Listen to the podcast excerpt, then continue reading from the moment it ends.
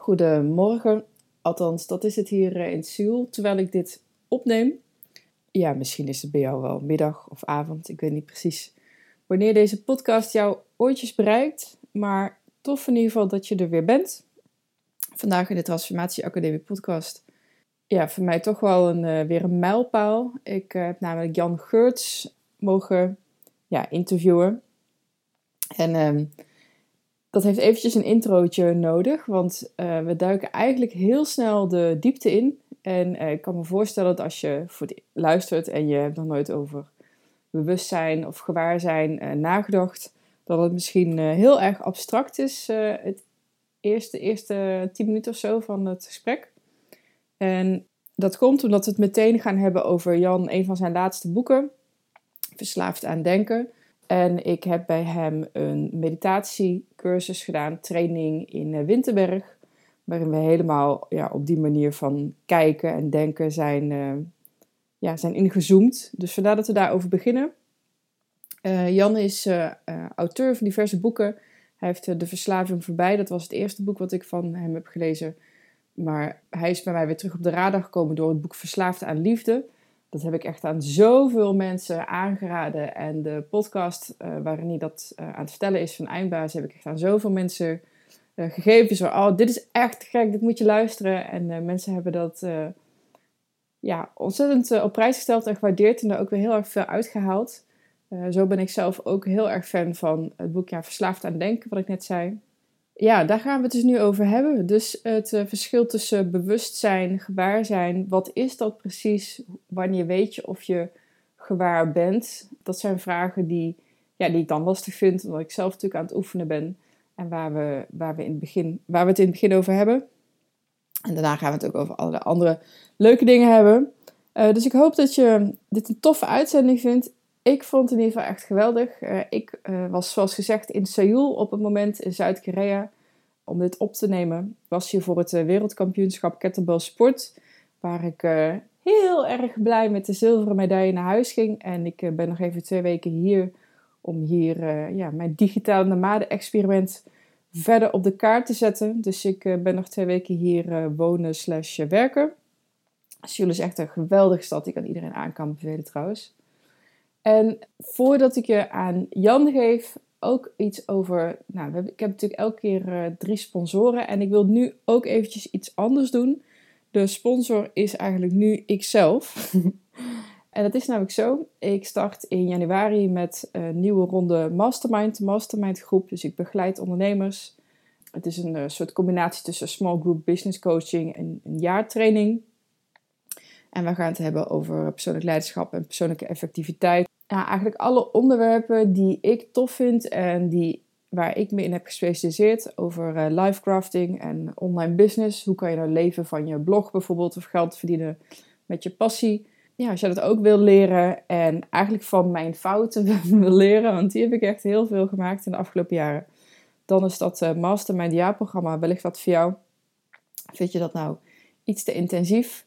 Ik heb uh, heel beperkt, ik heb nu nog twee plekken open voor mensen die ik ook één op één coach. En dat kan zowel over eating psychology gaan, als over transformaties, als over life crafting, online business, etc. Eigenlijk alle onderwerpen waar ik gewoon het meest gepassioneerd over ben. Uh, en daar komen uiteraard ook ja, mindset komt daar veel aan bod. Dus eigenlijk de thema's die we ook in de podcast bespreken. Meer informatie vind je op mijn site. Dat is www.janettedegeus. Dat is S-J-A N-E-T-T en dan de geus.nl. En als je daar naar het menuoptie sparren of coaching gaat, dan, uh, dan kom je er vanzelf. Dat was het. Heel veel plezier met uh, Jan Geurts. Uh, heb je vragen, laat het me weten. En ik spreek je snel.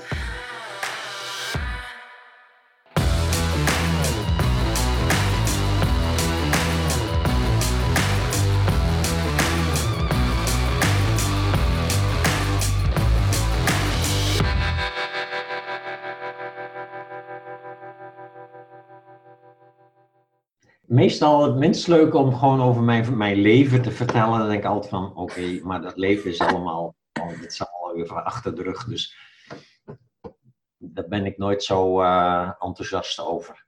Niet over mijn leven ben ik wel enthousiast, maar over het vertellen erover. Oké. Okay. Dus, oh, daar ben ik geboren, op die school ben ik geweest en zo. Oh.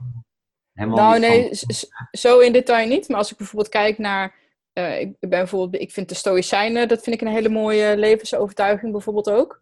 Uh, van ja, we krijgen allemaal, niemand heeft invloed ook op wat op ons pad geworpen wordt, maar wel op hoe je ermee omgaat. En dat is ook wat ik bij veel mensen terugzie. En eigenlijk ook wat jij in de beoefening mensen leert, is om daar op een andere manier uh, naar te kijken.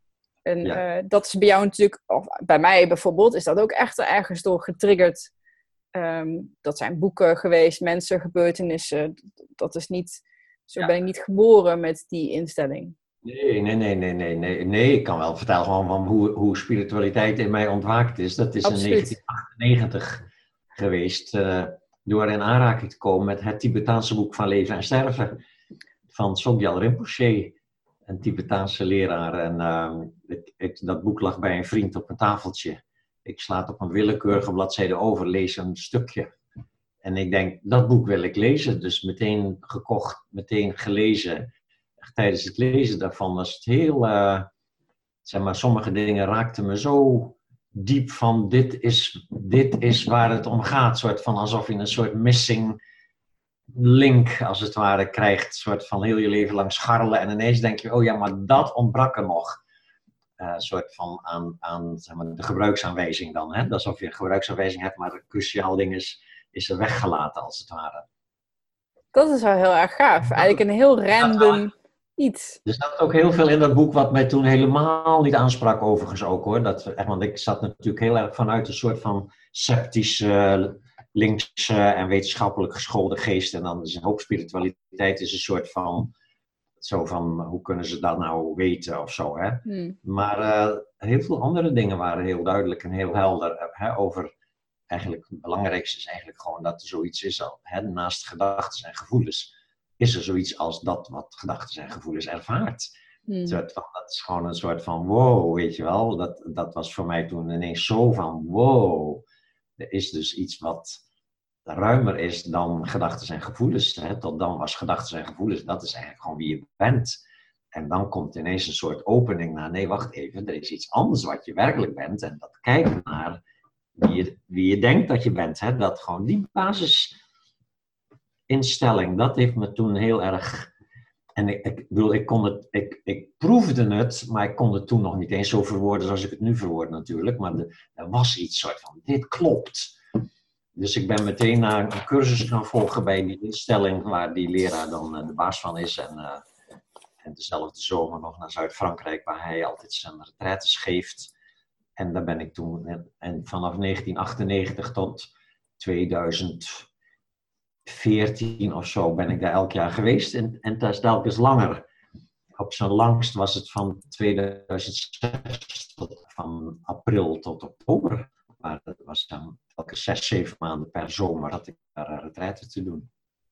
Ja, dus dat is uh, gewoon hoe dit begonnen is, als het ware. Hmm. Ik, ik, vind dat meteen heel. Nou, dan ga ik maar gewoon meteen even de diepte in, want dat vind ik ook uh, misschien ook wel het allerleukste.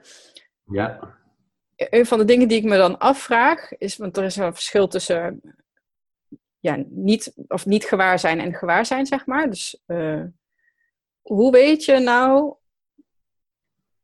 wanneer het gewaar zijn is of, of wanneer niet? Uh, het klinkt misschien een ah. beetje gek, maar ik ben natuurlijk ook bij jou op de cursus geweest, wat ik trouwens echt fantastisch vind. En ik vind gewoon dat iedereen dat een keer zou moeten doen die daar interesse in heeft, of die daarvoor open staat. Eh, in eh, Winterberg was dat. En, ehm, hoe weet je wanneer je nou gewaar zijn? Ja, want je, je, laat mensen oefeningen doen. En ik heb, uh, ik doe ze ook, ik heb ze netjes ook gedaan. Of netjes, ik heb ze gedaan ook in um, Verslaafd aan Denken bijvoorbeeld. en ook op het retraite. Maar dan is er zo'n gevoel van, ja, is dit het dan? Of, of had ik dit altijd toch? Of volgens mij kon ik dit, of kon volgens mij was dit gewaarzijn er altijd al. Dus dat is een beetje verwarrend voor mij. Ja, ja dat is verwarrend. Ja, dat, voor de denkende geest is het verwarrend. En, en, en het was er altijd al, inderdaad. Gewaarzijn is er altijd al. Ik bedoel, bedoel als je, ik vind het het makkelijkste te herkennen als je het vergelijkt met een computer. een computer heeft ook het vermogen om visuele beelden waar te nemen en ook het vermogen om geluid waar te nemen en het vermogen om tast waar te nemen. Je kan hem aanraken en dan reageert hij daarop. En het, zelfs het vermogen om dingen te onthouden en dingen weer te herinneren. Maar bij al die activiteiten is een computer niet gewaar. Een hmm. computer is dus als het ware ervaart niet dat hij aan het kijken is en aan het luisteren is. dus de computer ervaart niks. Dus vanuit het gezichtspunt van de computer bestaat niks, is, is er niks. Want, want de computer heeft geen bewustzijn of gewaarzijn, hoe je het ook wel even wil noemen. Dus wij hebben, zeg maar, de hele dag door hebben wij een soort, hebben wij, zeg maar, ervaren wij. De hele dag door ervaren wij. En dat is dus, dat noemen we dan bewustzijn. Maar dat bewustzijn wordt door de meeste mensen niet, zeg maar, herkend als de essentie van hun ervaring. Omdat het bewustzijn zich onmiddellijk identificeert met wat in dat bewustzijn zich afspeelt aan gedachten en gevoelens. Mhm.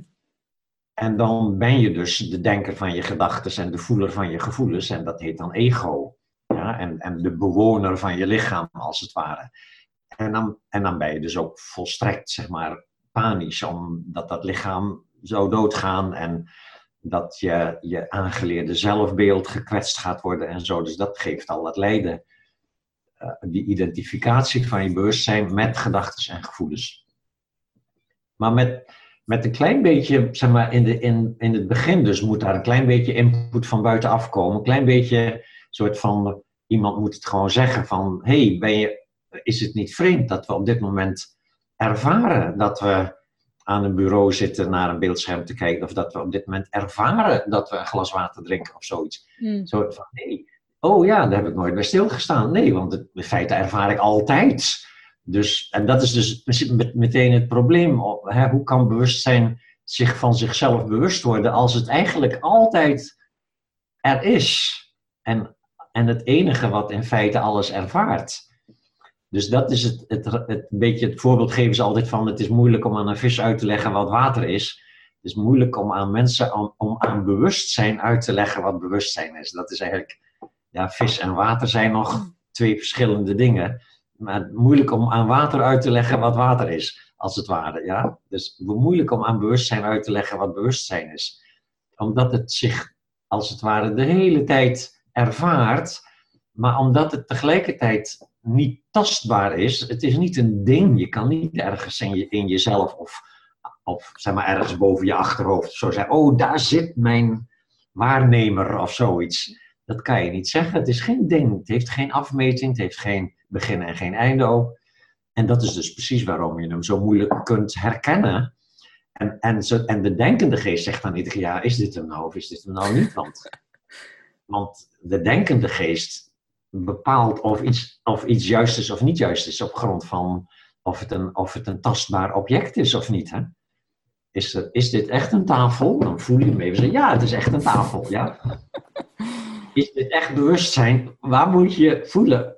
alles is bewustzijn. Hmm. Ja, dat is een mooie zenspreuk die zei, eh, zeg maar, zodra je de vinger opricht, wijst hij naar het bewustzijn. De vinger is bewustzijn. Je zei van, hè, ik sloeg gewoon random een boek open en die, dat was het, even het setje wat ik uh, nodig had. Ja. Um, voelt het dan alsof je voor die tijd, uh, alsof je dan echt op dat moment, kan je dat ook echt aanwijzen als dat is het moment waarop ik soort van begon met wakker worden? Want ik heb je horen zeggen van, ik ben nou ook nog niet. En ja. uh, alle grote spirituele leraren zeggen ook van, ik ben ergens op de helft of zo. Hè, want er is niet een eindpunt. Ja om naartoe te streven? Ja. Ja, voor mij was dat echt, kan, ja, als ik zeg, ware spirituele groei begonnen. Kijk, is niet zo dat ik daarvoor in mijn leven niet een paar keer een, een, zeg maar, een soort van bijzondere ervaring had, waarvan je dan achteraf kan zeggen, oh, dat was al een soort, soort van alsof het er even doorheen sijpelde. Maar tegelijkertijd, omdat je gewoon geen sjoegen hebt van überhaupt van het bestaan van dit soort dingen, herken je ze niet. Dus dan heb je alleen maar een soort herinnering, kan ze nog wel herinneren, een soort van, hmm, dat was een bijzonder moment. Achteraf zeg je dan, was een bijzonder moment, omdat we even niet dat het even niet verstoord werd door allerlei gedachten erover. Omdat het even een heel direct soort van direct soort ervaring was. Heel erg hier en nu noemen ze dat dan, weet je wel. Dus, maar ja, dat, en dat gaat dan weer, ging gewoon voorbij. En, ehm, dus dat, dat zijn spirituele momentjes die niet herkend worden als spirituele momentjes. Dus waar je ook niet zoveel aan hebt. Hmm. Qua zeg maar, ontwikkeling van je bewustzijn. Je hebt uh, het allereerste boek wat ik ooit jou gelezen heb, en dat is echt al best wel lang geleden inmiddels. Dat is uh, De Verslaving Voorbij, volgens mij. Ja. ja. Uh, toen rookte ik nog en deed nog allemaal andere, tussen haakjes, leuke dingen. Ja. wat ik toen dacht dat leuke dingen waren. Je bent ook een beetje ik vond dat toen al echt een eye-opener. Ik merk bij dat ook jouw visie heeft zich nog behoorlijk ontwikkeld volgens mij sindsdien. Mhm. Maar daar zie ik echt al wel de, die, die kern in. Tot, ik denk vorig jaar, toen hoorde ik een interview met jou in de Eindbazen uh, podcast. Ja. En toen dacht ik echt, wauw, dit is, dit is voor mij het ontbrekende puzzelstukje, zeg maar. Wat uh, jij misschien had uh, in dat boek wat je aan het lezen was. Ja. En toen ben ik, daarna heb ik gewoon volgens mij al je andere boeken ook maar meteen gaan lezen. En sommige zelfs twee keer. Dus het is... Um, ja. Ja, dat is heel uh, gaaf. Maar kan je iets vertellen ook over die ontwikkeling van... Want je, het is begonnen met een boek over verslaving. Um, ja. Maar dan gaat het heel langzaam... Ja, steeds ab abstracter. Met roken. Ja, ja, in 1996 was de opluchting stoppen met roken. Grappig, toen had ik dus nog geen contact met spiritualiteit, maar als ik het daarna teruglees, dan zit er al heel veel in. Ja. En dat met name over het kijken naar je gedachten en je er dan niet, niet tegen verzetten. Dat zat al bij dat rokenboek. Ik had toen het verhaal van een gedachte aan een sigaret als je eenmaal gestopt bent. Hè. Heb je mhm. nog maanden, heb je gedachten aan sigaretten, moet je beschouwen als een vogel die ergens in je hoofd binnenvliegt. En als je, niet wil, als je niet wil denken, dan doe je meteen de deuren dicht. Maar die vogel zit er dan in, kan er niet uit. Soort van, je moet de deuren open laten. Je mag aan een sigaret denken. Zo, de gedachte komt op en hij gaat aan de andere kant er weer uit als jij je er niet druk om maakt. Dus er zat al een beetje in van niet druk maken over je eigen gedachten. Waar ik dat vandaan haal, weet ik niet. Waarschijnlijk uit dus een beetje een soort psychologisch. Ik had natuurlijk best al een hoop psychologie gedaan. En ook wel op het psychologische vlak al wat trainingen achter de rug. Dus... Uh, maar dat ging allemaal over ego natuurlijk, over een gezonder ego ontwikkelen. Dus uh, dat was 1996 en dan een jaar of drie later, denk ik, twee, drie jaar later, was de verslaving voorbij. Toen was ik net wel al met, uh, met spiritualiteit in aanraking. Zat, ik heb dat boek geschreven in Zuid-Frankrijk, bij die, uh, in retraite bij die leraar. Mm -hmm. Ook wel indicaties dat die retraites daar waren totaal niet streng. Je kon daar in een huisje zitten en gewoon je eigen ding doen en af en toe uh, teaching bijwonen en, en that's it. Dus uh, ja, daar zit dus dat, dat, het gaat vooral om dat, dat beeld wat in al mijn boeken daarna zeg maar, terugkomt, dat beeld van dat aangeleerde zelfbeeld, dat dat niet is wie je werkelijk bent. Hè? Ja. En een soort van licht doorheen schijnt, dat, wat ze dan natuurlijke staat noemen, of Boeddha-natuur dat wat, wat we gewaarzijn noemen, hè, dat waarin dat aangeleerde zelfbeeld als het ware of fungeert als een soort, soort zeg maar, dat je daarmee versmelt en dan ben je dat dus gewoon. Dan heb je geen enkel contact met die, dat gewaarzijn of met die ruimte eromheen. En dan heb je het spirituele pad en dat is als het ware pad waarin, je dat, waarin dat wakker wordt. Dat, die fascinatie ik kan me wel herinneren dat in de eerste jaren, ik denk wel de eerste tien jaar of zo, was er vooral een enorme honger naar ik wil dit, ik wil dit snappen, ik wil dit realiseren. Dus het was echt niet zo dat als ik dat beschrijf, van dat ik dat boek las en dat er een soort puzzelstukje kwam. Het was meer het vermoeden dat, het een, dat er een ontbrekend puzzelstukje was. Of het, het gevoel, dit is het, weet je wel dit wil ik weten, of dit wil ik realiseren. Dat ken je wel waarschijnlijk, dat gevoel van. Je, ga je lezen. Ja. Die eerste jaren heb ik alles gelezen wat los en vast stond over spiritualiteit. Mediteren deed ik die eerste paar jaar helemaal niet. Vond ik allemaal tijdverspilling. Vanuit die zeg maar, wetenschappelijke veronderstelling dat als je eenmaal snapt, dan heb je het te pakken. Terwijl het dus een paar jaar duurde voordat ik snapte dat het snappen zelf zeg maar, een grens heeft waar je op een of andere manier voorbij moet om te ervaren wat werkelijk is. Dus ik heb, uh, en, en, maar dan nog, dan, toen ging ik helemaal in die Dzogchen training en echt, uh, dat, ja, zo een, een, een, leuke tijd. Zo, ik kan me echt herinneren dat het een hele leuke tijd was, dat hele, dat fascinatie en dan die, die, die hoopvolle verwachting als je dan weer naar een teaching ging. En dan soms kreeg je inderdaad weer een soort glimp van, hè, de leraar kon daar zo over vertellen, zo inspirerend dat je eventjes daarin was. En soms had je ook teachings dat je alleen maar kapot zat te ergeren over, over dat het eigenlijk nergens over ging en zelfs irritant en dat soort dingen. Dus eh, dat hele, zeg maar, die hele periode van die honger, dat, die honger naar, naar, die, naar dat inzicht of die wijsheid. Ja, misschien is, het niet... wat geleidelijk aan als het ware verandert in vertrouwen dat vertrouwen van, oh, maar dit is het, weet je wel, dit is het. En dat is ook dankzij de teachings, dankzij het onderricht van die paar, van die paar leraren, dan die paar Tibetaanse leraren die ik gehad heb. Die als het ware vooral erop gericht zijn dat van, die vraag die jij, hoe weet je of dit gewaarzijn is of niet, die op een gegeven moment zeggen van, dit is het. Je moet gewoon dat besluit nemen, dit is het. Ik bedoel, er is niks anders dan gewaarzijn. Dus dan, je kan en je kan het nooit vastpinnen met je denkende geest. Dus ergens moet je dat vertrouwen hebben dat als je als het ware eventjes niet je denkende geest bent, maar dat wat denkende geest waarneemt, dat, dat dan kan je wel zeggen dat is gewaarzijn. Zodra je gedachten kunt waarnemen, zonder, zonder als het ware de denker te zijn van de gedachten, dat, dat is gewaarzijn. Dus het is heel simpel. Als ik, als ik nou bijvoorbeeld als ik gewoon het woord fiets zeg, komt er in jouw hoofd een fiets op. Ja. Maar het is niet zo dat je nu meteen gaat denken aan, oh, uh, bijvoorbeeld uh, mijn fiets is gestolen en verdomme nog naartoe, wanneer krijg ik hem terug en als ik hem maar ooit terug krijg, dat soort dingen, weet je wel? Dus de, mm. in het laatste geval komt de gedachte fiets op, maar met een verhaal. Je zuigt, wordt gezogen in dat verhaal waar jij een hoofdrol in speelt. Je bent benadeelde of misschien wel bevoordeelde, omdat je net een prachtige nieuwe fiets van je minnaar hebt gehad of wat dan ook. En dan, dat, dus dan kom je in een verhaal, dan ben je aan het denken. En dan is er dus geen waarnemer weer meer van die gedachten. Maar even later kun je ineens weer beseffen, oh, ik heb nu wel zeker misschien wel een paar minuten heb ik zitten denken aan die prachtige fiets die ik cadeau gekregen heb of die gestolen is. En dan is er dus even weer een soort gewaarzijn met terugwerkende kracht. Dan kun je met terugwerkende kracht als het ware constateren, oh, ik was even eventjes afgeleid in mijn verhaal over fiets. En dan komt natuurlijk voor de niet geoefende beoefenaar komt onmiddellijk daar weer een gedachte overheen. Ik was afgeleid, ik zat te denken over die fiets. Maar dat is op zich nog niet iets waardoor je weer afdwaalt. Dat is een soort gedachte die voortvloeit uit gewaarzijn. Dus dit is natuurlijk het meest ingewikkelde wat je zeg maar, moet leren onderscheiden er zijn gedachten waarbij jij als het ware je identificeert met die gedachten. En dan ben je gewoon de denker.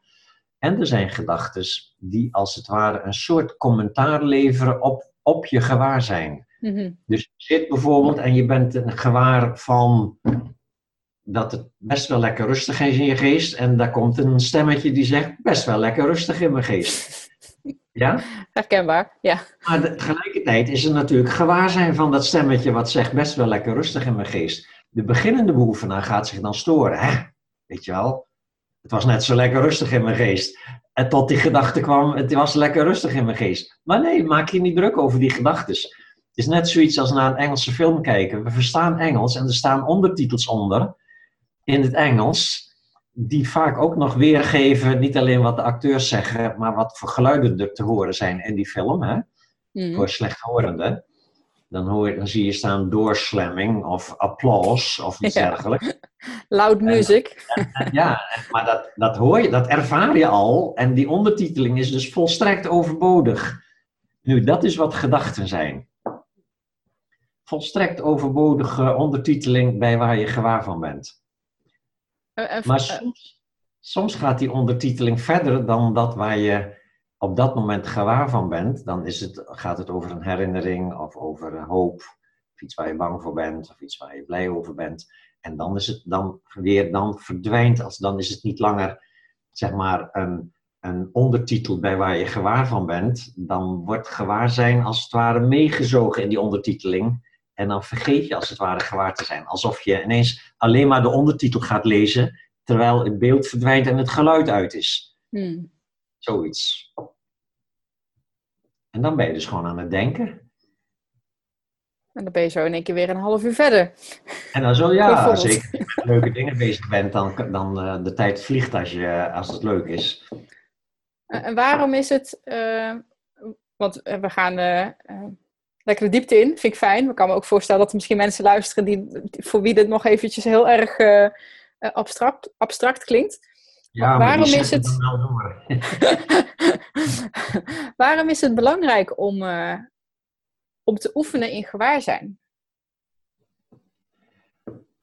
Mm, omdat, uh, zeg maar, omdat als gewaarzijn zichzelf niet herkent als de ervaarder van je ervaring, dan versmelt je dus met je ervaring en dan word je, als dan identificeer je je met de helft van je ervaring, namelijk de, de waarnemende helft.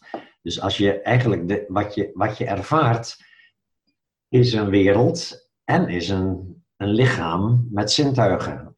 En die zintuigen zijn als het ware in connectie met die wereld.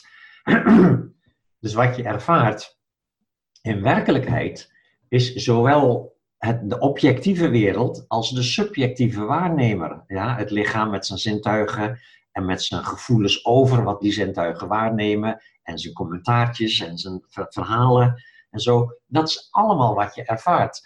Maar dat, dat gewaarzijn, dat dat zo is, verliest zichzelf, vergeet zichzelf telkens, omdat het zelf immers geen vorm heeft en geen afmeting heeft en er altijd al was. Dus waar zou je je aan vast moeten houden? Hmm. En dus ga je je vasthouden aan dat deel van je ervaring wat ogenschijnlijk de waarnemer is van je ervaring. Namelijk dat lichaam met zijn zintuigen. En dan zeg je, oh dat ben ik. En, en die bomen en hier dat weiland om me heen en zo, dat is dus niet ik. Dat is buiten mij. Dat heet dualisme. Hè? Dan maak je hmm. een scheiding in je ervaring. Een scheiding tussen een ervaarder en dat wat ervaren wordt. En dat betekent lijden, want dan identificeer je met dit lichaam, met zijn gedachten en zijn gevoelens. En dan moet je dus keihard je best doen om te overleven, om je goed te voelen, dat soort dingen. En, en nare gevoelens en ziekte en, naderende dood, allemaal dingen zijn allemaal buitengewoon bedreigend, omdat het lijkt alsof dat het einde van je bestaan is. Dus dat levert lijden op. Dat is eigenlijk kort en goed gewaar wat zichzelf verliest. Dat, hè, dat, dat resulteert erin dat we lijden. Hmm. Dat we bekneld raken. De, het woord wat de Boeddha gebruikte voor wat wij nu als lijden vertalen, dat is dukkha, betekent geen ruimte we raken de ruimte kwijt van onze werkelijke zeg maar, zijnsstaat. Die, die ruimte die dus eigenlijk zo ruim is dat het hele universum als het erin ervaren wordt. Die wordt verkleind naar een soort van alsof je, alsof je gewaar zijn als het ware een soort mannetje is of vrouwtje wat ergens tussen je oren en achter je ogen door naar buiten kijkt. Mhm. En, en heel erg zijn best doet om dat lichaam goed te besturen, weet je wel, alsof je in een auto zit. Je mag mhm. nergens tegen aanbotsen. En zo is allemaal bezorgdheid. Dus dat is waarom het zo'n wonder is dat, dat spiritualiteit jou als het ware uh, wakker maakt. En zegt, hé, hey, wacht even, dit is niet wie je werkelijk bent. Dit is een droom. Je, je droomt dat je, weet je wel, dat je een man of een vrouw bent die achtervolgd wordt door een tijger. Hè? Dat is wat ze in het boeddhisme altijd als voorbeeld gebruiken. Ja, in zo'n, zo'n droom is er ook echt het gevoel dat je echt bedreigd wordt door een echte tijger. Ja? Dus binnen de droomwerkelijkheid, dan bedoel ik de droomwerkelijkheid van echt de individuele droom die we s'nachts ervaren, is er ook een echte ik en een echte werkelijkheid buiten die ik. Ook daarin speelt dat dualisme als het ware de hoofdrol. En daardoor kunnen we prettige en pijnlijke dromen ervaren. En het voorbeeld is zo mooi, want als je in een droom iets pijnlijks ervaart en ineens heb je door dat het een droom is, verdwijnt ook de pijnlijkheid. Is hmm. er geen vuiltje meer aan de lucht. Lachend draai je je om en kijk je de tijger aan en spring je over hem heen of dwars door hem heen. Je gewoon door natuurlijk. De aanzet tot gevoelens. Iemand zegt iets lulligs en je voelt je beledigd. Dat gaat gewoon door. Alleen hoe meer je beoefend hebt, hoe sneller je realiseert: oh, ik voel me beledigd, wat grappig. Weet je wel? Want het is ego dat zich beledigd voelt en niet wie je werkelijk bent. Dus je mag je beledigd voelen.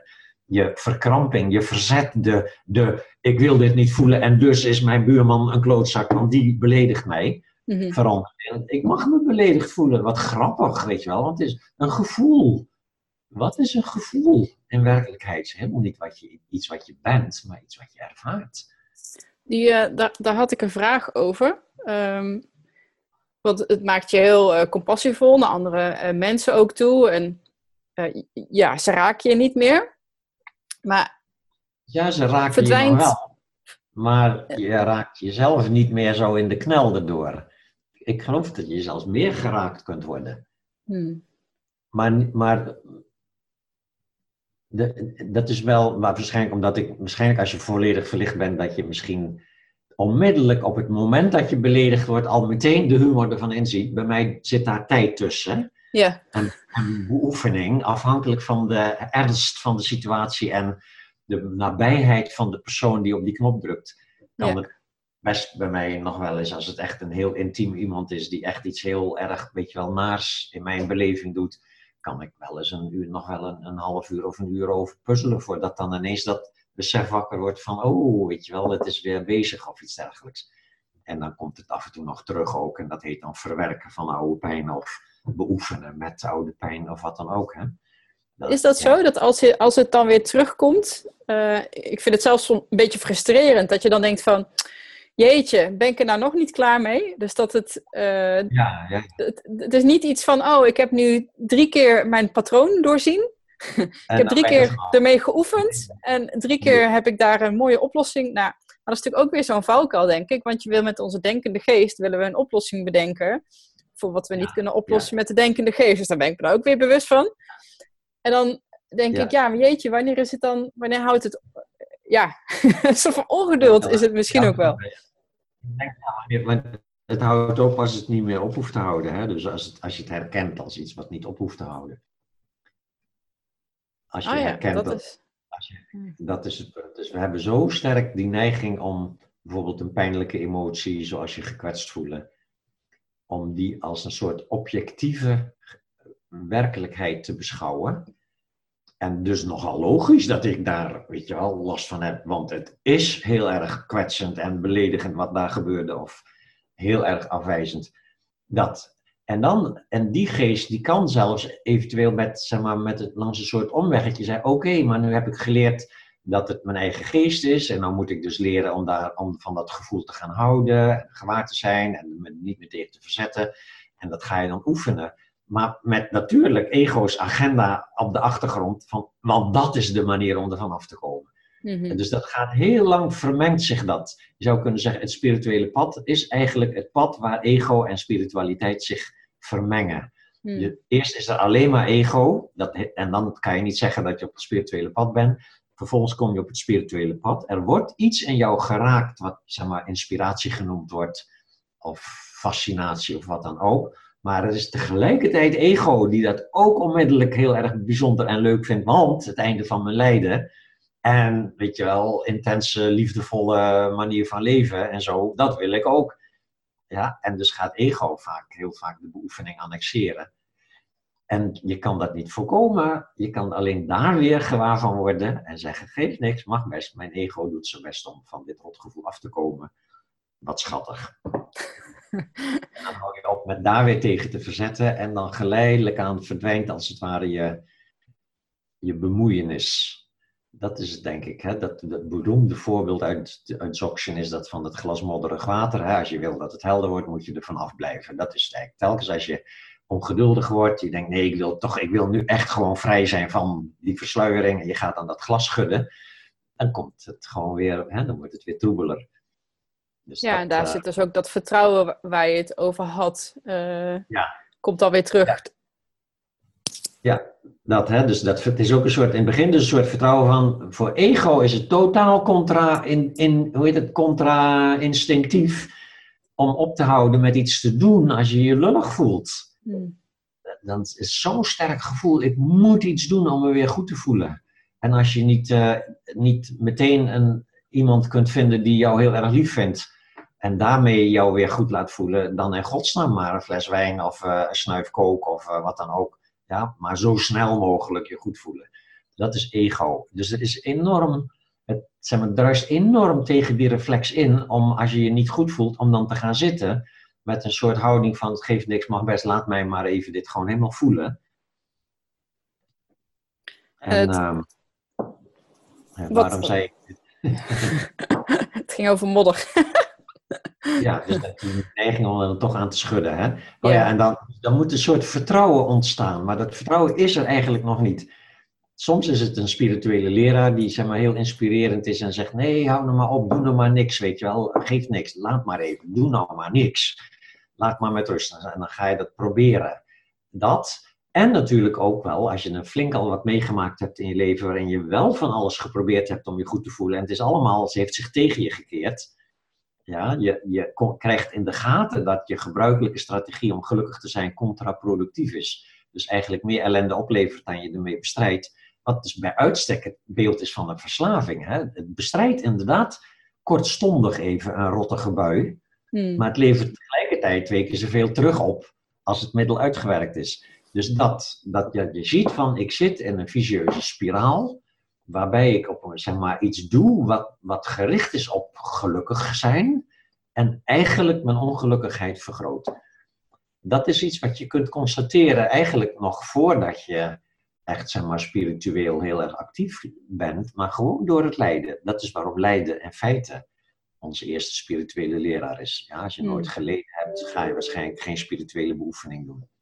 Nee. Denk jij dat je verslaafd kan zijn aan afwijzing? Jazeker. Je kan verslaafd zijn aan de schijnbare veiligheid die de afwijzer jou geeft door jou telkens af te wijzen. Ja. Want dan, is, dan laat hij je nog niet in de steek. En dat is een situatie die, we, die veel kinderen hebben meegemaakt natuurlijk, waarbij je woont bij je één of twee ouders, waar je volstrekt afhankelijk van bent. En dus ook gewoon je niet eens kunt indenken dat je zonder die ouders zou kunnen leven. En tegelijkertijd wijzen ze je af. In meer of mindere mate. Dus we hebben geleerd om ons veilig te voelen bij afwijzing. En bij volwassen mensen kan dat soms extreme vormen aannemen. In de vorm bijvoorbeeld van dat je uh, een relatieverslaving. Dus je hebt bijvoorbeeld een, een, partner die gewelddadig is en je durft hem niet te verlaten. Hmm. Niet alleen omdat je bang bent dat hij je dan in elkaar gaat slaan, maar je bent ook bang om uit dat, die laatste, zeg maar, die laatste veiligheid, wie ben je nog als er niet iemand meer is die boos op jou wordt? Mm. Wel, in ieder geval besta je nog als er iemand boos op jou wordt. En dat is dus wat vaak uh, wat mensen ook beschrijven die in zo'n relatieverslaving uh, zitten. Dat echt die, die, die, die diepe angst voor houvastloosheid uh, bij het overwegen om ermee op te houden. Om het te beëindigen. Ja, en ik denk, als ik, als ik dan even naar mijn eigen situatie... Het is natuurlijk altijd leuk om over je eigen voorbeeld ja, ja. te mogen praten. Is dat je, en er zijn natuurlijk meer vrouwen die dat doen, of mannen ook. Dat je eigenlijk iets, iets wil, een relatie wil die er niet is. Mm maar dat wel blijft vragen of proberen, waarbij je eigenlijk steeds nee te horen krijgt. Ja. Dus het blijven najagen van, oh, maar misschien is die nu inmiddels van gedachten veranderd, want ik ben toch zo leuk.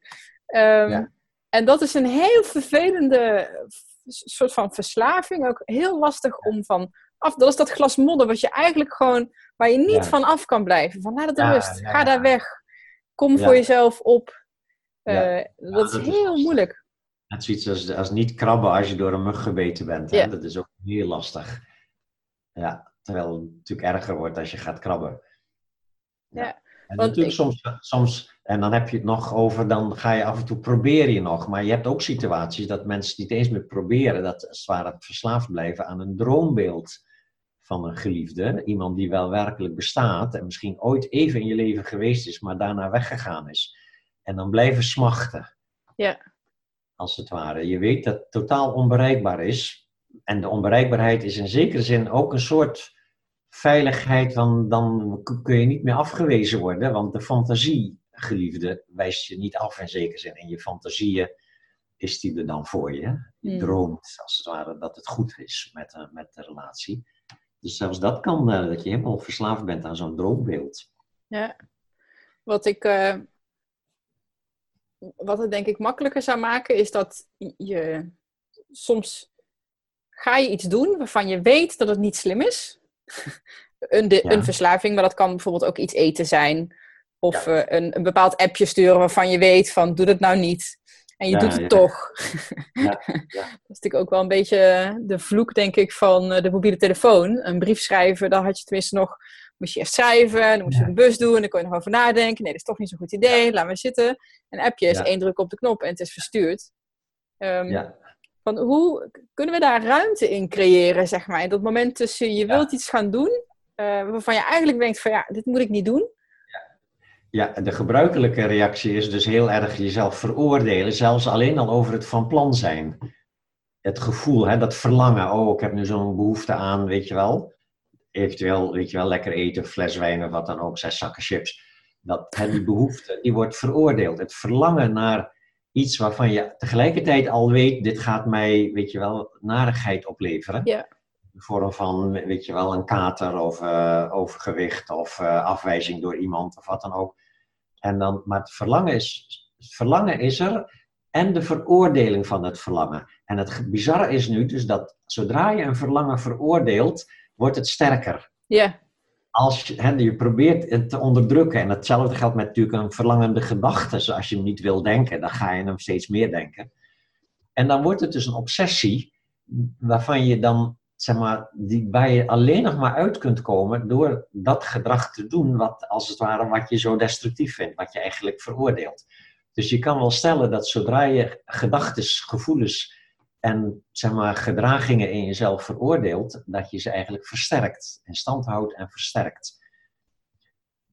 En dus is de oplossing, is, als het ware, hier met vriendelijk gewaarzijn naar kijken. En dan zie je, oh, hier heb je mijn obsessie om even een mailtje te sturen, of hier heb je mijn verslaving om even helemaal los te gaan met lekker eten, of wat dan ook geeft niks, mag best, laat mij maar even. Ja. Dan begin je met te kijken naar, en de beoefenaar zal dan zeggen, hè, een, een, een, methode die ik altijd aanraad is dat je zegt, oké, okay, dat mag, uh, want kennelijk heb ik nog iets meer negatieve ervaring nodig om het punt te bereiken waarop ik het kan loslaten. Ja, dus je ziet gewoon dat lijden een functie heeft en dat je je eigen lijden zelfs creëert om het uiteindelijk het gedrag wat lijden veroorzaakt te kunnen loslaten. En als je dat allemaal kunt zien met die wijsheid, met die vriendelijkheid van oké, okay, laten we dan nog maar even gewoon losgaan in deze verslaving of in deze destructieve relatie, want kennelijk heb ik het nog niet helemaal door.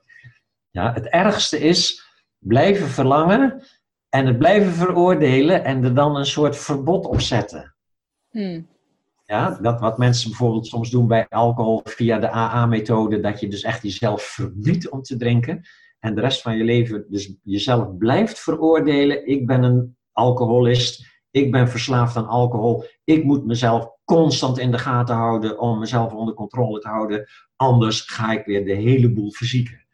Dat is echt zelfafwijzing ten top. Dus, dus veel beter vanuit spiritueel oogpunt als je iets niet kunt laten vanuit vriendelijkheid, doe het dan met vriendelijkheid. Hmm. Ja, ik heb vaak mensen, vroeger hielp ik mensen met stoppen met roken. En dan had je soms mensen die bij me kwamen en die, die, die waren gewoon helemaal nog niet doordrongen van de narigheid van het roken. Die wouden stoppen omdat ze een partner hadden die het lastig vond of omdat ze zich schaamden over het geld wat het kostte en zo. En dan zei ik van jeetje, weet je wat, mijn advies is, rook nog even door. Ja, want je hebt nog helemaal niet genoeg narigheid meegemaakt met roken. Ja, dit is allemaal externe, zit je wel, motief, flinterdun motiefje om te stoppen met roken. Ja, dus dat zie je ook van een flinterdun motiefje van je hebt één boek gelezen en je weet, oh, ik ben eigenlijk nu iets destructiefs aan het doen, mag niet meer. Hmm. Ja, en dan ga je het dus toch doen, omdat het niet mag. Hmm. Dus, dus met vriendelijkheid kijken ernaar. En dan, uh, ik, vaak raad ik mensen zelfs aan, eh, probeer eens een tijdje te genieten. Soms zeg ik wel eens van, je mag niet meer stoppen. Nu, nu de komende maand mag je niet stoppen met roken. Of mag je niet stoppen met drinken. Van die drinkers die zo'n beetje elk weekend drinken en dan daarna elk, telkens stoppen. En dan gaat maar door. Je mag een tijd niet stoppen. En dan, je moet een tijd blijven drinken. En de opdracht nu is om ervan te genieten, zoveel mogelijk. En, en je er niet over af te wijzen.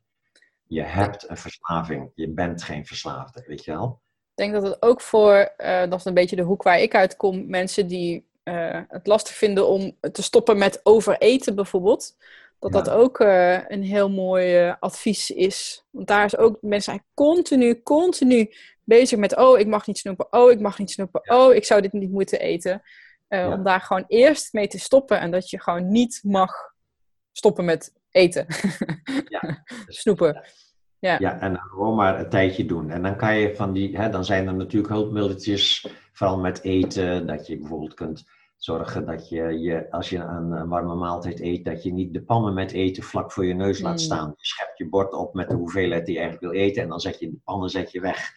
Of je slaat het alvast op in je koelkast. Gewoon van die kleine drempeltjes. Mm. Vanuit vriendelijkheid. Niet vanuit wat ben je toch een lul dat je dit doet, nou moet je maar eens. Nee, vanuit vriendelijkheid. Een soort van ik gun mezelf een maaltijd die niet eindigt in schransen. Weet je wel, omdat ik al weet, ik ga me naar voelen als ik te veel eet. Ik gun mezelf een prettig gevoel na het eten. Dus ik, zet, ik doe mijn bord precies zo vol als ik het eigenlijk prettig vind. Kleine dingetjes zijn dat. En hetzelfde met als je s'avonds zin krijgt in chocola, weet je wel. Je weet al, als je dat hele blok chocola voor je neus legt terwijl je aan het zappen bent, dan gaat het hele chocolablok gaat op. Maar als je nou eens met vriendelijkheid begint en zegt, oké, weet je wel, wat is nou voor mij een soort van grens van best wel lekker, maar nog niet helemaal waanzinnig. Bijvoorbeeld, ik begin maar eens met een half blok dan, weet je wel. En leg dat neer en leg het andere blok ver, ver weg uit de buurt. En, natuurlijk, en wat ook altijd helpt, is dan proberen om niet terwijl je aan het eten bent ook de krant te lezen of tv te kijken. Ja, precies.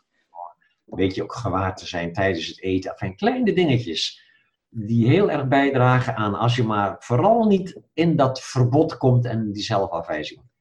Het is uh, heel bijzonder om te merken dat uh, als ik uh, mediteer, dan volgens mij kan ik een halve ademhaling daar heel bewust bij zijn. En dan, soms zijn er dat twee, maar dat gaat echt zo snel en ongemerkt, ja, word je weer meegezogen. En dat, dat flikkert wel heel erg kort heen terug, heen terug, heen terug. Maar ook bijvoorbeeld bij eten, want dat doen de boeddhisten volgens mij ook echt met, met je volle bewustzijn eten. En je eten zien, voelen, ruiken, proeven. Er echt zijn. Maar ook daar ben je misschien nog wel sneller weg als dat je gaat zitten om te mediteren. Ja, ja, dat klopt. Ja. Dus dat is allemaal volstrekt normaal. Ja. ja. Uh, dat is waarom je gewoon dit gewoon eigenlijk de rest van je leven moet doen. Maar dan weer ook met diezelfde vriendelijkheid. Dat is het punt. Als je aan gaat pakken als een soort ambitieus project van en nou ga ik verdomme eens even verlichting bereiken, dan, weet je wel, dan wordt het een hel. En dan hou je er ook een tijd mee op, want dan, dan wordt het alleen maar drukker in je hoofd. Hè? Dus het is toch al een drempel. Hè? Het begin van, van je spirituele beoefening is het lastigste, omdat je dan nog zo in ego's, zeg maar, reflexen zit en dus vindt dat je zou moeten stoppen met denken en vindt dat je de hele tijd gewaar zou moeten kunnen blijven en dat soort dingen. Hmm. Nou ja, dat leer je dan wel af na een tijdje, want het, het lukt gewoon absoluut niet. Ja. Dus moet, je moet constateren dat die denkende geest gewoon zijn eigen gang gaat. Maar tegelijkertijd zit daar ook het begin in van een soort van, oh, dat ben ik dus niet. Ik bedoel, als jij met, met heel je intense soort van zijn besluit, ik zou nu een tijdje gewoon aanwezig willen blijven bij wat ik ervaar. En drie tellen later ben je alweer aan het denken over je volgende maaltijd of wat dan ook. Dan kun je dus wel stellen dat dat niet is wie je werkelijk bent dat is iets wat overneemt van wie je werkelijk mm. bent. Als het ware, hè? Wie je werkelijk bent, wordt daar als het ware even weer in meegezogen. Dus dat is ook het begin van laconiekheid. Met een soort van, oké, kan ik dus niks aan doen. Laat ik me dan ook maar niet de druk om maken. Ja. Dus dat is waarom ik altijd zeg, van, het is altijd, je zit te mediteren met de intentie om aanwezig te blijven, wetende dat het niet gaat lukken en dat is oké. Ja. Dat je niet in dat dualisme komt van gewaarzijn is goed en, en afdwalen is fout. Ja, precies. Het hoort er allemaal bij. Het hoort er allemaal bij en het gaat uit zichzelf. Ja, het glas water is modderig en je gaat zitten en je gaat kijken naar dat glas. In de hoop dat het helder wordt en het blijft modderig en het blijft modderig. En dan moet je niet denken, ik kijk verkeerd. Snap je? Je kijkt naar een glas modderig water en het blijft modderig. En je blijft er vanaf en het blijft modderig. En je blijft er een week vanaf en het is nog steeds modderig. En telkens als je gaat denken, ik doe iets verkeerds, weet je wel, hoezo? Hoe kan je iets verkeerds doen? Als je gewoon, wel, het enige wat je verkeerd kunt doen is dan toch maar weer gaan schudden aan dat glas. Ja. Nee, nee je, je kijkt niet verkeerd, je, hè, je dwaalt telkens af. Er is niks verkeerds aan. Ik vond het een mooie eye-opener om je het in, uh, in Winterberg, uh, zei het een paar keer, want we hadden allemaal heel veel uh, vragen. Back off. Ja. ja, dat was wel eventjes een, een eye-opener van, ja, oké, okay, wat is dat hongerige ego inderdaad, wat het zo graag wil snappen en wil ja. al hoop aan de horizon ziet van, daar wil ik naartoe. Ja, ja, ja, echt, laat jezelf met rust. En dat kan je, dus begin, je begint dus dat te herkennen als je ziet tijdens je meditatie hoe verschrikkelijk druk je je maakt hmm. over je eigen gedachten en hoe verschrikkelijke streber er in jou zit die dat allemaal meteen wil kalmeren en meteen van alle narigheid af wil en zo. Dat, dat is herkennen, weet je wel. Wat mooi om dat dan te herkennen. Als je daar dan, als, ah, dit is dus waar de Boeddha het over heeft. Als die zegt, weet je wel, we zitten in een onjuist zelfbeeld verstrikt. Weet je, ah, dit is het dus. En dan zegt ego natuurlijk weer van, nou, dan moet je er maar mee ophouden of zo, weet je wel. Nee, nee, nee, het gaat vanzelf. Je Hmm. kan er niet mee ophouden. Het houdt, het houdt uit zichzelf op. Als jij, uh, ja, als je gewoon maar gewoon de intentie hebt om je er niet mee te bemoeien en, en niet oordeelt over die duizend keer per dag dat je je er dan toch mee bemoeit. Hmm. Want dat is gewoon wat er al, wat gewoon, dat is de oude reflex. Die moet gewoon uitlopen. Hè? Je kan beginnen met de stroom van de trein af te halen, maar hij dendert nog kilometers door. En Ja. telkens als je, daar, als je daar verzet tegen hebt, zet je in feite de stroom er weer op. Dus het is allemaal be- beeldspraak om, om hè, telkens maar weer. Beeldspraak is eigenlijk de laatste gedachte die je probeert te denken en waardoor je als het ware je gedachten kan loslaten. Kan zeggen, oh, dan hou ik even op met me druk te maken over mijn gedachten. Ja. Je hebt Ik vind allemaal het, van die... eh, het concept van, ehm, eh, hoe kwam ik het nou laatst tegen? Nou ja, het, eh, vriendelijke ehm, nieuwsgierigheid, zeg maar, voor jezelf betrachten. En ook van, oh, niet alleen van, oh, wat leuk dat het er is, maar ook echt het gaan onderzoeken. En dan ga je er op een iets andere manier, dan, er, dan word je er niet in meegezogen, maar dan ga je soort Ja. automatisch die observatierol aannemen van, goh, Ja. Wat leuk, Ja. en waar zit dat dan? En hoe voelt als dat dan? Onderzoeken, als onderzoeken dus niet met denken gaat, want dan is het zo'n psych- psychologische analyse, wat natuurlijk af en toe zijn nut heeft. Maar, om, maar dit is echt wat ze dan met inquiry bedoelen, is als het ware heel erg met inderdaad met een soort nieuwsgierigheid van oké, het lijkt nu alsof ik, alsof ik mislukt ben en eenzaam en, en verlaten door de hele wereld en zo. Maar wat ervaar ik nou eigenlijk werkelijk? Dat, hè? Zo van, van een beetje vanuit de theorie, soort van oké, dit zou dan een illusie moeten zijn, deze ervaring van ik ben mislukt en eenzaam. Oké, als dit een illusie is, wat ervaar ik werkelijk? En als je een illusie wil doorzien, moet je hem heel goed bekijken. Moet je niet gaan weglopen. Als de Boeddha zegt, er ligt geen slang voor je neus, het is een touw, dan moet je niet weglopen, want dan blijft er een slang liggen. Dan moet je gaan kijken terwijl het nog een slang is. Ja, dus je moet als het ware met een soort van nieuwsgierigheid van, oh, eenzaamheid, oh, frustratie, oh, boosheid, weet je wel, oh, gekwetstheid. Hmm, wat zou dat zijn? Wat ervaar ik werkelijk? Hmm. En je geest probeert natuurlijk de hele tijd te roepen: Je bent mislukt, je bent een sukkel, weet je wel. En dan zeg je: Ja, ja, ik hoor je, ik hoor je, maar wat ervaar ik werkelijk? Niet wat denken mijn gedachten wat ik ervaar, maar wat ervaar ik werkelijk? En dat is iedere keer die beweging van: Oké, dit zijn mijn gedachten, maar wat ervaar ik werkelijk? Dat is inquiry. En dat is dan die. Het is vaak contact maken met je lijf ook, want de werkelijke ervaarder is je lijf. Je gedachten hebben er een verhaal bij, waardoor het lijkt of het lijf als het ware een soort bewijs is dat je gedachten kloppen, maar het is net andersom. Je gedachten zeg maar, vertalen je, je sensatie in een beknellende emotie, maar in werkelijkheid is er dan nog steeds alleen maar een sensatie. Hmm. Die moet onderzocht worden. En, en is dan die, die gedachte, die, of die verhalen vertellen die je meezuigt, want je zei helemaal aan het begin eh, dat je het woord aangeleerd zelfbeeld eh, vallen, is dat dan, wordt die altijd soort van gekleurd door het eerste idee over onszelf wat wij hadden? Dus bij de ene is dat ik moet lief zijn, of bij de andere is dat lukt me toch niet, of Dat soort basisovertuigingen bedoel je? Dat, eh, ja, dat, dat is natuurlijk wel, dat, die basisovertuiging is in feite ten diepste, ik ben niks. In de negatieve betekenis. wat heel dichtbij ligt, de, wat werkelijk is. Je bent in werkelijkheid niks in de betekenis van niet iets, maar dat is juist alles. Dus het is een soort totale, de meest verst verwijderde positie van de werkelijkheid, lijkt er heel erg op. Maar is het juist heel erg niet. Hè? De les extrêmes touche, zeggen ze in het Frans. Hè? De uitersten raken elkaar, maar zijn tegelijkertijd elkaars tegenpool. Dus die niksheid waar ons ego bang voor is, die niksheid, die, we, die zeg maar, sommige mensen kunnen die heel puur voelen. Dus diepe, diepe angst is dat. Hmm. In een depressie kun je dat ook heel erg voelen. En angststoornissen, mensen met angststoornissen kunnen dat voelen. Uh, veel mensen heb, hebben er nooit rechtstreeks contact mee, maar dat is dan die lichte ongerustheid. Van, van pas ik er wel bij, doe ik wel mee, hoor ik er wel bij, doe ik het goed genoeg, weet je wel, dat soort dingen hè? die daaronder zitten. Dat is allemaal uh, ego. Dus dat, wordt, dat hele ego is in feite een, een, een ja, een, ook niks, maar wat zeg maar, zijn, zijn werkelijkheidswaarde ontleent aan het geloof in je eigen gedachten. En je verzet ertegen, hè? je verzet tegen je sensaties. Dingen voelen die je niet wil voelen. Dat maakt dat het heel echt wordt. Ja. Door een gevoel niet te willen voelen, word je het. Zodra je eenzaamheid niet wil voelen, ben je eenzaam. Zodra je eenzaamheid wil voelen met die instelling van ik ben benieuwd wat het werkelijk is, heb je in eerste instantie heb je een eenzaam gevoel. Het is nog niet meteen leuker, maar het verdwijnt al een klein beetje uit je identificatie. Oh, wat grappig. Ik heb ineens, ineens echt een mega eye-opener net vlak voor uh, onze Skype-call. Uh, ik was heel erg moe.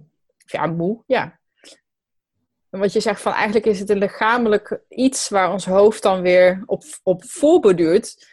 En ik zit nu midden in een, uh, een switch met, met zakelijk, zeg maar, en een hoop dingen die aan het, stop, aan het stoppen zijn. Uh, en ik weet nog niet precies wat er daarna komt. En dan ga je heel, het was echt van, oh, ik heb helemaal geen zin om nog te gaan knokken. En, uh, maar eigenlijk was dat dus gewoon een lichamelijke sensatie van vermoeidheid die zich dan voortzet in in je gedachten die zeggen van, oh, ik heb helemaal geen zin om hier helemaal nog uh, ja. ergens helemaal voor te gaan en iets nieuws te bedenken. En, en, en, en oh, wat ja, grappig. Dat is een mooi voorbeeld. Ja, vermoeidheid is ook voor veel mensen inderdaad al, uh, altijd gekoppeld aan zelfafwijzing. Ja. Gevoel van controleverlies ook. Ook zelfafwijzing. In werkelijkheid is er geen controle, maar je denkt dat er controle is. En als dingen dan even anders lopen dan jou van plan was, dan word je geconfronteerd met het feit dat er geen controle is en dan wijs je jezelf dus af daarover. Hmm. Het is allemaal ook uh, sensaties die geïnterpreteerd worden als emoties. Dus we... En daar, vandaar moet je dus moet als terug interpreteren. Ja. Uh, je kan, want deze gedachte helpt je niet. Als je zegt, oké, okay, voel me eenzaam, maar in werkelijkheid is dat dus een sensatie. Nee, dat is weer ego die zich eruit probeert te lullen. Ja, en, erg, erg. Dus nee, je moet dan echt zeggen, oké, okay, een soort van, ik, hè, ik voel me heel erg eenzaam. Uh, wat is dat precies? Wat ervaar ik precies? In de zin van, ik zou zonder, hè, en, wil, van, en ik hoop dat het even niet verdwijnt. Dat, hè, want als je iets wil onderzoeken, moet het wel even blijven.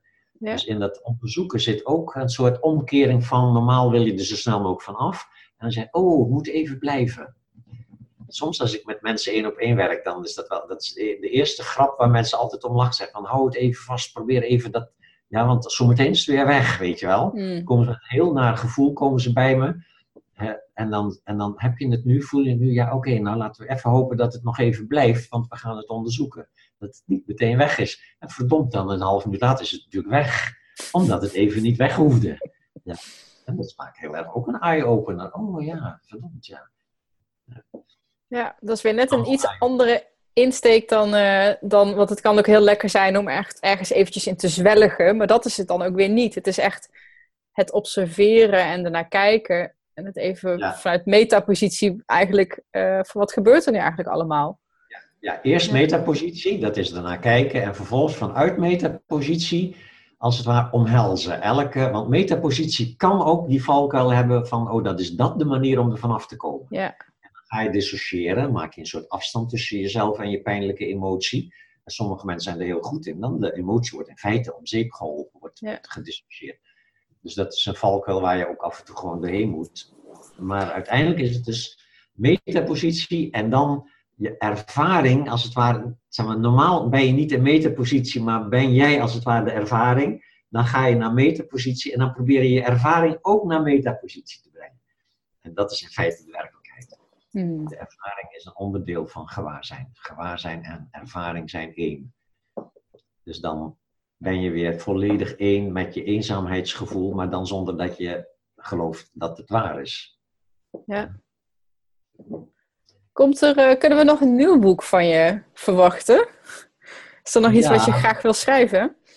Ik heb, uh, ik heb nog wel wat ideeën, maar ze zijn nog niet rijp of zo. Ik ga pas schrijven als het idee rijp is. En dan is het ook heel makkelijk. Dan is het binnen een paar maanden is zo'n boek klaar. Maar, ik, maar nooit vanuit van ik moet maar weer eens een boek schrijven. maar ik heb sowieso, ik zou nog wel eens een boek willen schrijven over, uh, zeg maar, naar aanleiding of zeg maar, vertalen van oude boeddhistische teksten. Um, en ze dan zelf van commentaar voorzien. Dus ze vertalen uit het Engels. er zijn er heel veel in het Engels die nog niet in het Nederlands zijn. Van Longchenpa bijvoorbeeld, of Milarepa, of zo van die oude Tibetaanse leraren. Of eventueel van Advaita-leraar, of van Rumi.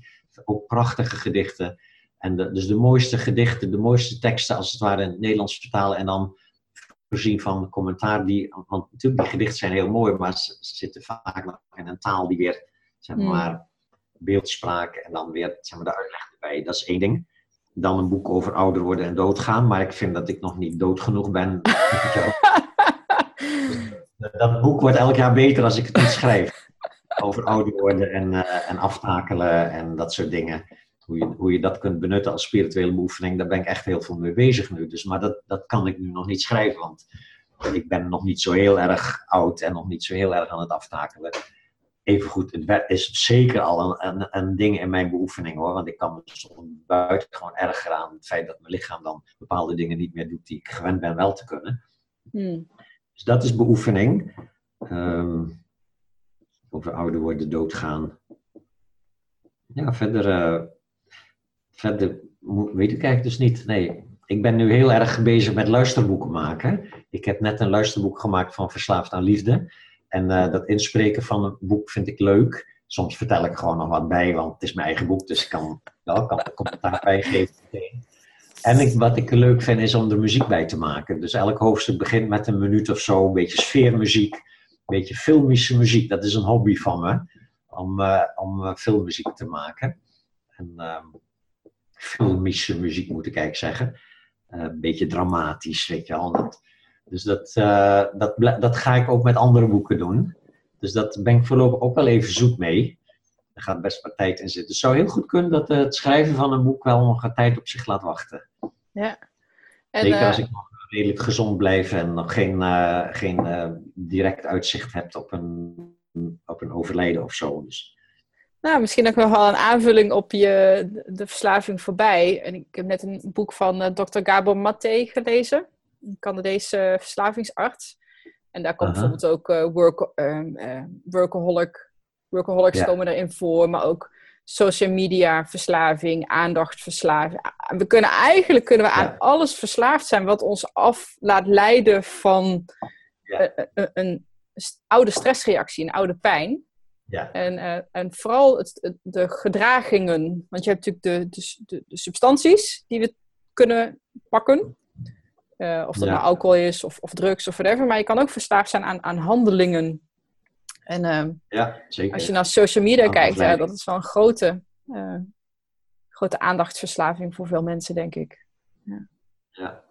ja ik, ben, ik heb daar zelf een, weinig ervaring mee. De, sowieso met verslavingen, dat valt nu redelijk wel mee met, in mijn leven. Maar dan social media ik, ik heb een pagina op Facebook, maar mijn zoon houdt hem bij, want ik snap er de helft niet van hoe dat allemaal werkt. Ik had laatst een nieuwe telefoon waar dus Facebook op stond. En ik kreeg ineens die, die melding van Facebook: U hebt deze week minder likes dan vorige week. Met een soort van: Je moet wat doen. Dat vond ik ongelooflijk bemoeizuchtig. Dat ik er meteen weer afgegooid heb. Die. Ik, dat soort dingen. En WhatsApp heb ik wel, maar dat zo min mogelijk, en telefoneren doe ik al helemaal zo min mogelijk. Dus ik ben eigenlijk wel een echte mail-fan. Mijn, mijn contact met de wereld is via mail, want dat kan ik precies doen op het moment dat ik het wil en er weer mee ophouden op het moment dat ik het niet wil. Ja. Dus ik kan moeilijk veel over sociale media schrijven, want het is eigenlijk een beetje gaat een beetje buiten mij om. Nou, misschien moet je dan met je zoon een keer. Uh... dat alsmaar, ja, alsmaar in contact willen zijn, alsmaar in contact willen zijn met de medemens. Dat is natuurlijk ego ten voeten uit. Ja, ja. Aan één stuk door bevestiging nodig hebben. Hè? Ja. ja dat, uh... Dankjewel. Dankjewel voor het luisteren. Ik hoop dat je er volgende week weer bent. En dan ook heb ik weer een hele, hele toffe gast uh, voor je klaarstaan. Uh, voordat je weggaat, vergeet niet om op uh, mijn eigen website dus eventjes te kijken naar die coachingsopties en naar die mastermind opties. Vond je dit nu een toffe aflevering? Tuurlijk.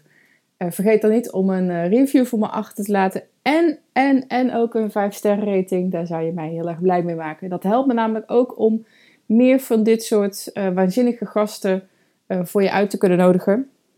En vergeet ik niet om hem te delen met je vrienden als je dat tof vindt.